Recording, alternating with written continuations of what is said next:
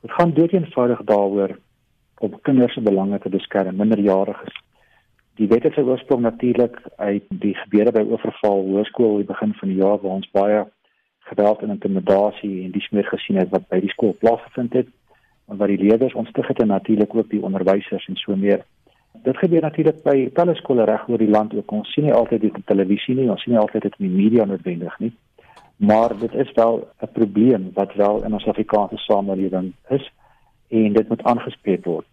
Die, die grondwet stel natuurlik dat die belange van minderjarige kinders hoog opgestel moet word. Dit is ons verantwoordelikheid as 'n samelewing om kinders te beskerm. Daarom is daar ook 'n bepaling in die grondwet rondom die beskerming van kinders spesifiek en het ons omslagtige wetgewing geskep om kinders te beskerm. En nou is die vraag natuurlik, maar hoekom hulle dan ondermyn deur betogings toe te laat vir skole. Dit selfs 'n vreedsame betoging vir 'n skool kan traumaties vir kinders wees. En daarom moet dit nie toegelaat word nie. Dit is wel 'n inperking op vryheid van uitdrukking in daardie opsig, maar ons glo dit is wel geregverdig gegee wat die belange van kinders beskerm word. Anton, ons het baie goeie wette, maar daar is baie keer probleme met die toepassing daarvan. Dit is nou goed en wel om hierdie wet daar te stel, maar wat sou jy voorstel moet gedoen word om toe te sien dat dit toegepas word? Dit is inderdaad 'n probleem dat toepassing van bestaande wetgewing ook baie swak is in Suid-Afrika. Maar uiteindelik, as daar 'n wet is, het jy 'n basislyn om kinders te beskerm binne skole, kleuterskole, kinderhuise en waar hulle ook al mag teenwoordig wees. Op die oomblik is dit nie daar nie. Enige beampte kan in 'n stadsraad toestemming gee vir 'n optog voor 'n skool.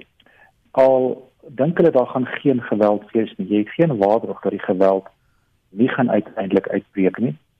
En tweedens weer eens gesê het dat selfs 'n vreedsame optog kan 'n dramatiese impak hê op kinders. En veral hoe jonger hulle is, hoe groter.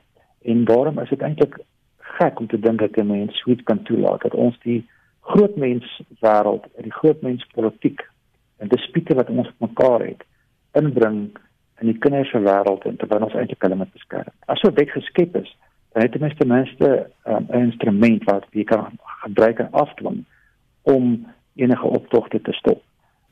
Hoe lank sal so 'n proses neem voordat dit enige invloed kan hê op kinders?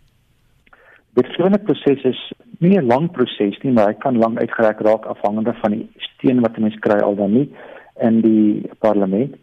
Waar ons nou trek is basies die skryf van die wetgewing. Daar's nou 'n kennisgewing uitgestuur verlede week wat sê die wet gaan geskryf word en die publiek se insette word gevra en hulle kan dit instuur en daarna word die wet opgestel en na die wet opgestel is sal daar weer 'n geleentheid wees vir openbare insette op die geskrewe wet en daarna word die wet dan ingedien by die parlement formeel en dit gaan na die komitee toe waarskynlik die komitee vir basiese onderwys en natuurlik justisie sal ook waarskynlik sê daaroor en dan word dit hopelik daar konsensus gevind tussen die partye dat ons wel so 'n wet kan skep dat dit sinvol is en as die partye oorwegend saamstem dan gaan die finale weergawe dan na die nasionale vergadering toe waar dit gedebatteer word en aanvaar word of verwerp word en daarna na die nasionale raad van provinsies toe.